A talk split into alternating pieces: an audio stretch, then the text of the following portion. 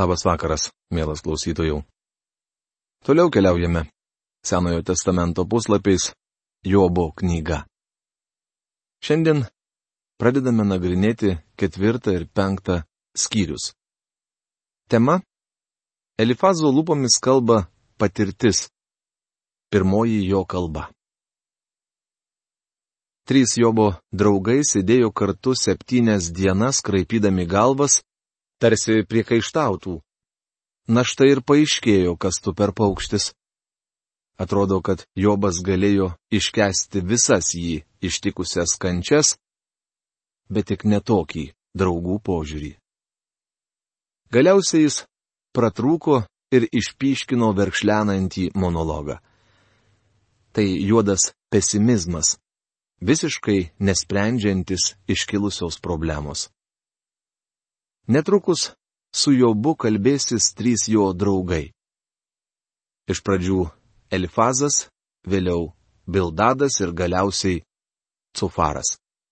Šių vyrų vardai šitą apie juos pasako. Elifazas reiškia Dievas yra jėga arba Dievas yra gražus auksas. Bildadas reiškia nesantaiko sūnus. Beje, šis vyras iš ties niekšinga asmenybė. Jo kalba žiauri, stačiokiška ir netašyta. Cofaras reiškia žvirblis. Jis čiauška. Cofaras turi piktą liežuvį ir svaido jobui siaubingas užuominas. Šis dialogas tikrus varžybos. Visi trys draugai puola Jobą, o šis jiems atsako. Tai galima pavadinti intelektualiają atletiką. Anomis dienomis toks reiškinys buvo dažnas ir populiarus. Šiandien žmonės eina stebėti futbolo, krepšinio ar ledo ritulio varžybų, kur demonstruojama fizinė jėga. Tuo tarpu anomis dienomis žmonės stebėdavo intelektualias varžybas. Manau, jog užsimesgus šiam dialogui, didžiulė minė jau buvo susirinkusi pasiklausyti, kas čia vyksta. Mes linkę galvoti, kad tie žmonės buvo necivilizuoti. Tačiau pirmenybę jie teikė intelektualumui. O štai mes, vadindami save be galo civilizuotais ir labai toli pažengusiais žmonėmis, akcentuojame fizinę jėgą ir ištvermę. Taigi nesame jau tokie pranašesni už anų laikų žmonės, kaip galvojame. Jobas ką tik pratrūko skūstis. Jis apimtas pačio juodžiausio pesimizmo. Velnes atimė iš jo viską. Jobas nebeturi kur remtis. Atrodytų, net Dievas šiuo metu yra be galo toli nuo jo. Pirmasis prabils Elifazas ir jo lūpomis kalbės patirtis. Šis neįlinis vyras pasakoja keistą ir paslaptingą patyrimą. Jo pasisakymo esmę apibūdina aštunta eilutė. Kalbu iš patirties. Visa, ką kalba Elifazas, paremta jo išgyvenimais. Jis matė nepaprastą regėjimą ir girdėjo paslaptis, kurių niekas niekada anksčiau nebuvo girdėjęs. Tada Elifazas Temanas atsakydamas tarė. Jeigu išdrįstų kas tarti tau žodį, ar nebūsi užgautas? Bet kas galėtų dabar tylėti? Jobo knygos ketvirtos skyriaus pirmą antrą eilutės. Jis pradeda labai diplomatiškai, tačiau susidaro įspūdis, kad už šio vyro šypsenos slypi pikta valia. Tai tarsi apsimestinis mandagumas. Elifazas sako Jobui, ar neprieštarauji, kad aš tarsiu tau žodį? O tuomet priduria, nori, nenori, aš vis vieną tai pasakysiu. Ir pasako. Štai tu mokiai daugelį, stiprinai jų silpnas rankas, Tavo žodžiai drąsino sviruojančius, tu sutvirtinai drebančius kelius. Bet kai dabar tai nutinka tau, tu netenki kantrybės.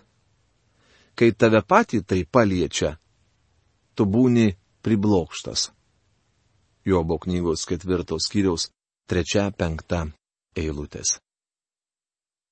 Jis sako Jobui, kuomet buvai turtingas, sveikas ir galėjai mėgautis visapusišką gerovę, aplinkiniams buvai tikra stiprybės priebėga. Galėjai jiems patarti, pamokyti, ką jie turi daryti. Žinojai, kaip padėti patekusiems į bėdą. Tačiau dabar, nutikus nelaimiai, tu bematant išskydai. Tu tik dėjėsi esas stiprus, o visą laiką veidmainevai. Kodėl pats nepasinaudoji patarimais, kuriuos duodavai kitiems? Sakyčiau, jog daugelis iš mūsų taip pat elgiamės. Mes nesunkiai patarėme kitiems, ką daryti, netikėtai užklupus bėdai. Elgiamės tarsi du psichiatrai iš vienos karikatūros. Susitikę jie klausia, tu gyveni gerai, o kaip aš? Mes visuomet analizuojame kitą žmogų ir aiškiname jam, kaip jis laikosi. Elifazas kaltino Jobą esančios ryties ekspertų. Jis labai sarkastiškai teigia, dabar visa tai ištiko tave, o kokia tavo reakcija? Tu visiškai suskydai. Argi tavo Dievo baimė nėra tavo laidas, o tavo tobulas elgesys tavo viltis? Jobo knygos ketvirtos kiriaus šešta eilutė. Argi negali pasinaudoti savo paties patarimais? Jie padėjo kitiems, tad dabar turėtų padėti ir tau. Elifazas meta Jobui užuominą, tačiau daro tai mandagiai. Pamatysime, jog kiti Jobo draugai bus kur kas širkštesni, ypač Cofaras. Prisimink, Ar kas kada būdamas nekaltas pražuvo? Ar buvo kur nors dorėjai sunaikinti? Jobo knygos ketvirtos kiriaus septinta eilutė.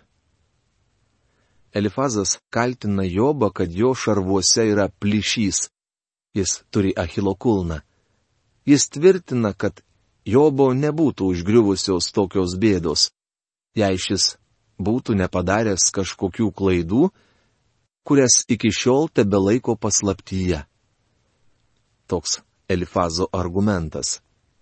Beje, net ir šiandien žmonės klaidingai cituoja šią eilutę.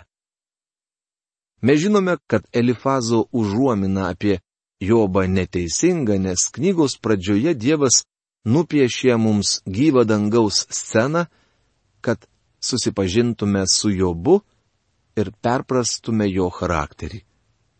Visi trys Jobo draugai buvo apgailėtini guodėjai, nes nesuprato Dievo, Jobo ir patys savęs. Daugelis žmonių stengiasi aiškinti dvasinius dalykus, būdami visiškai nekompetitingi. Atvirai kalbant, tai viena iš priežasčių, kodėl aš nenoriai imuosi konsultanto vaidmens. Manau, jei žmogus yra Dievo vaikas, gali vienas pats išsiaiškinti su Dievu, nebent turi kokį specifinį ar teologinį klausimą arba fizinių sunkumų. Pagaliau juk turime užtarėję pas Dievą. Jobas ilgėjosi taikintojo užtarėjo, tuo tarpu mes šiandien jį turime. Vienas yra Dievas, vienas yra Dievas ir vienas Dievo ir žmonių tarpininkas - žmogus Kristus Jėzus, rašoma pirmame laiške Timotėjui, antrame skyriuje, penktoje eilutėje. Daugelis krikščionių užuot kreipėsi į bažnyčiaus tarnautoją ar psichologą, turėtų eiti tiesiai pas jį. Jei bėda fizinė, kreipkitės į gydytoją, bet kartu šaukitės ir Dievo. Kaip ir Elifazas, galiu iš patirties pasakyti, jog Dievas išklauso maldas dėl mūsų fizinės ir dvasinės būklės. toliau studijuodami šią knygą matysime nuostabų Dievo veikimą Jobo gyvenime. Elifazo žodžiai buvo prasta pagalba šiam nelaimingam vyrui. Kalbu iš patirties. Kas pikta aria ir bėda sėja, tas tai ir pjauna. Jobo knygos ketvirtos kiriaus aštunta eilutė. Tai sakydamas Elifazas žvelgia į Jobą iš aukšto. Jis įsitikinęs, kad Jobas kažkuo nusikalto, tačiau nenori to atskleisti, todėl ir pjauna, ką pasėjo. Nuo Dievo kvėptelėjimo jie pražūva, nuo jo įniršio gūsio sunyksta. Jobo knygos ketvirtos kiriaus devinta eilutė. Šis vyras klysta. Dievas drausmina savo vaikus, tačiau niekuomet jų nesunaikina. Panašiai kaip Elifazas ir mes skubame kitiems dalinti patarimus. Galime gražiai ir iškalbingai pamokyti kitą, kaip jam dėrėtų elgtis. Tačiau mūsų patarimai ne visuomet esti teisingi. Nutyla liūto reumojimas, žvėrių karaliaus staugimas ir ištrupa liūtų jauniklių dantys. Stiprus liūtas nugaišta, nes trūksta grobio, o jo jaunikliai išsiblaško. Jobo knygos ketvirtos skyriaus dešimta vienuolikta eilutės. Elifazas tvirtina, kad tie, kurie sėja piktą, piktą ir pjaus. Jie pražus tarsi liūtų jaunikliai, kuriems ištrupa dantys, tarsi susenę liūtai, nebegalintys pavyti grobio. Netrukus Elifazas praneš, kas jam buvo apreikšta regėjime. Klausantis jo pasakojimo apie sapną, net plaukai piestų stojasi. Mane slapčiomis pasiekė žodis, mano ausis pagavo tylų šnapždėsį, Jobo knygos ketvirtos skyrius dvylikta eilutė. Dabar ištempkite ausis, kad nepraleistumėte nieko, kas čia rašoma. Nuo minčių kilusių iš nakties regėjimų, kai gilus miegas apima mirtinguosius. Mane pagavo baimė ir šiurpulys, drebėjo visi mano kaulai. Jobo knygos ketvirtos skyriaus 13-14 eilutės. Skamba labai paslaptingai, ar ne? Jo žodžiai stingdo gyslose kraują. Regėjimas Elifazą pasiekė naktį gudžioje tamsoje. Tuomet vėjas pūstelėjo į mane ir man ant kūno pasišiaušė plaukai. Jis staptelėjo, bet aš jo net pažinau. Tik pavydalas buvo prieš mano akis ir įsiviešpatavo tyla. Tuomet išgirdau balsą. Jobo knygos ketvirtos kiriaus 15-16 eilutės. Kaip Elifazas visą tai išpučia. Jo žodžiai skamba šiurpiai ir bauginančiai. Netrukus šis vyras atskleis paslapti, kurios niekas niekada nėra girdėjęs tai jam buvo apreikšta regėjime. Elifazas kažką matė, kažką susapnavo, buvo tamsu ir štai į jį pūstelėjo vėjas arba, kaip verčia kostas burbulys, dvasia praėjo pro jų veidą. Ką jį pasakė? Argi gali žmogus būti teisesnis už Dievą? Argi gali mirtingasis būti be priekaištų prieš savo kurėją? Jobo knygos ketvirtos kiriaus septyniolikta eilutė. Nežinau kaip jūs, bet aš likau nuviltas. Buvau tikras, kad jei žmogus išgyveno tokį patyrimą, jis tikrai atskleis kažką gilaus, ko niekas niekada dar nėra girdėjęs. Deja, mes nieko naujo neišgirstame. Manau, kad Elifazas tiesiog per daug įsijautė kaip tame posakyje. Daug triukšmo dėl nieko. Elifazas padaro didelę įžangą, įsismarkauja ir atrodo, tuoj atskleis kokią tai gilę ir reikšmingą tiesą. Tačiau jis te pasako, ar gali žmogus būti teisesnis už Dievą? Žinoma ne. Tai žino kiekvienas. Kad suprastume šią tiesą, mums visai nereikalingi sapnai ar gazdinantys košmarai. Manau, visai neverta dėl tokio akivaizdaus dalyko praleisti bemiegę naktį. Tačiau Elifazo lūpomis kalba patirtis. Turiu pasakyti, kad ir šiandien daugelis mėgsta puikuoti savo patirtimi. Beje, toks pavojus grėsia ir man. Mat esu jau baigęs savo pastoriaus tarnystę. Tokie žmonės kaip aš savo patarimais ir pamokymais gali greitai kitiems įkyrėti. Ypač jauniems pamokslininkams. Pamenu, kai buvau jaunas, atsistatydinę pamokslininkai apkabindavo mane per pečius ir sakydavo, Sūnau, turi daryti tą ir aną. Įdomiausia, kad jie patys to nebuvo darę. Pastebiu, kad dabar ir pats panašiai elgiuosi. Dar šį rytą sutikau jaunuolį, iškėlusi savo kandidatūrą į pastoriaus vietą vienoje bažnyčioje, kurią jam buvau rekomendavęs. Nespėjau susivokti, o jau buvau bepradedas jį mokyti, kaip jam elgtis. Galiausiai prikandau liežuvį, įsėdau į savo automobilį, pasakiau, kad už jį melsiuos ir nuvažiavau. Pavojinga, kai žmogaus lūpomis ima kalbėti patirtis. Leiskite pasakyti, jog Elifazas buvo netikęs Jobo pagalbininkas. Nesupraskite manęs klaidingai. Aš neneigiu, kad Elifazo ir kitų Jobo draugų pasisakymuose atskleidžiamos gilios ir nuostabios tiesos. Esmė ta, kad jie visai nepadeda Jobui. Štai jis net savo tarnais nepasitikė ir angelus kaltina klaida. Tad ką sakyti apie gyvenančius molio namuose, kurių pamatai dulkės, jie sutraiškomi lengviau negu kandys.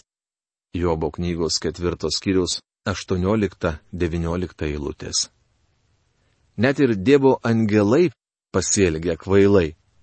Tad juo paikesni esame mes, gyvenantieji molio namuose. Geriau mūsų kūnų neapibūdinsi. Mes gyvename molio namuose. Penktame antro laiško korintiečiams skyriuje Paulius mūsų kūnus pavadino padangte silpna ir gležna palapinė, kurią lengvai gali nunešti vėjas. Mes gyvename molio namuose, kurie vieną dieną ima ir užgriūva mus. Nuo ryto iki vakaro jie trinami į dulkes, nepastebėti jie žuva amžinai. Kai jų palapinės virvelė išplėšiama iš jų, argi jie nemiršta nepažinę išminties, Jobo knygos ketvirtos kiriaus 20-21 eilutės. Kad ir kokie stiprus bei gražus būtų mūsų kūnai, jie tveria neilgai. Elifazas konstatuoja be galo nuostabes tiesas, tačiau jos nepadeda Jobui. Matote, lengva dėstyti tiesas, kai jos neranda atgarsio gyvenime. Mums reikalinga ne šiaip kokia tiesa, bet ta, kuri atitinka mūsų padėtį. Visi Jobo bičiuliai pasakys daug teisingų ir puikių žodžių. Man patinka juos skaityti, tikiuosi jums taip pat. Tačiau šios kalbos nepadeda Jobui. Tiesiog norisi sustabdyti šios vyrus. Nutilkite, visai netai kalbate. Jūsų šnekus niekiek nepadeda Jobui. Tad šaukis, Ar atsakys tau kas nors? Į kuriuos iš šventųjų tu kreipiesi? Jobo knygos penktos skyrius pirmą eilutę. Šis klausimas aktualus ir šiandien. Kieno pagalbos šauksitės? Bijau, kad šventieji jums nepadės. Matyt, Jobo laikais patriarchai jau buvo palikę šį pasaulį. Tikriausiai Abromas ir Izaokas jau buvo mirę. Jokūbas galimas dalykas dar gyveno. Nei Abraomas, nei Izaokas, nei bet kuris kitas praeitie gyvenęs šventasis negalėjo Jobui padėti. Iš tikrųjų, širdgėla pražudo kvailąjį, o pavydas užmuša lepšį. Mačiau kvailąjį įleidžiant šaknis, bet staiga ėmiau keikti jo buveinę. Jobo knygos penktos skyrius antra trečia eilutės. Elifazas tvirtina, kad matė klestint kvailius ir nedorelius, tačiau galiausiai jie pražūva. Tai beje tiesa. Dovida taip pat neramino nedorelių gerovė ir jis rašė. Mačiau nedorelį valdingą, iškilusį virš visų lik kedra Libano. Vėl ėjau pro šalį ir tikėk manimi, jo ten nebebuvo. Ieškojau, bet neberadau. Užrašyta 37 psalmės 35-36 eilutėse. Davidas stebėjosi, kodėl nedorėliai klesti, o dievoti žmonės vargsta. Tačiau jis suprato, kad galiausiai Dievas pražudydavo nedorėlius. Atrodytų, Dievas ilgai leido siautėti Hitleriui, ne iš karto jo atsikratė. Mums prailgo šio despoto viešpatavimas, tačiau iš tikrųjų tai buvo vos keliari metai. Kodėl Dievas šiandien nenubaudžia piktavalių? Bičiuli, jis veikia pamažu. Atėjus metui, Dievas pražudys bedievius. Jam visa amžinybė prieš akis. Elifazas apibūdina Jobą kaip vieną iš kvailių, kurie įleidžia šaknis ir tarpsta, bet vėliau pražudomi. Mielas klausytojau, toliau šios skyriaus apžvalgą pratesime kitoje mūsų laidoje, o šios dienos laikas baigėsi. Iki malonaus sustikimo. Sudė.